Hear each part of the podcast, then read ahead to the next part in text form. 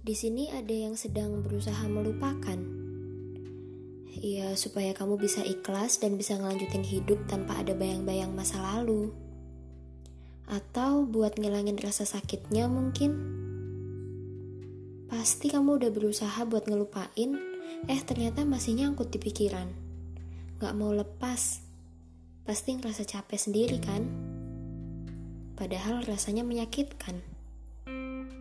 Coba deh sekarang dibalik. Gak usah dilupain. Nikmatin aja rasa sakitnya.